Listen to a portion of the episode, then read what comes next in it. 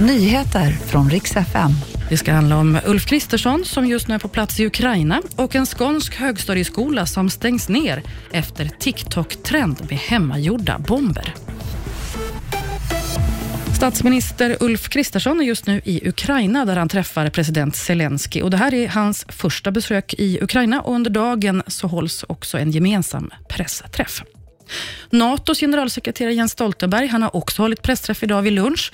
Han kommer att resa till Turkiet imorgon för att fortsätta vädja om att de ska godkänna inte bara Finland utan också Sverige till NATO. I nuläget tyder mycket på att Finland kan bli medlem före oss. Så ska vi till Skåne. En högstadieskola i Sjöbo har fått stängas ner efter hot om explosion. Elever har testat en ny TikTok-trend med hemmagjorda bomber som har avfyrats i skolan. Alla elever har nu skickats hem och skolan håller stängt under resten av veckan. Och Många har väntat och nu har Lollapalooza äntligen släppt sina biljetter till sommarens festival i Stockholm. Igår släpptes också listan över artister som kommer. Det blir som vanligt stora artister och bred lineup, bland annat Travis Scott, Lizzo, Fatboy Slim.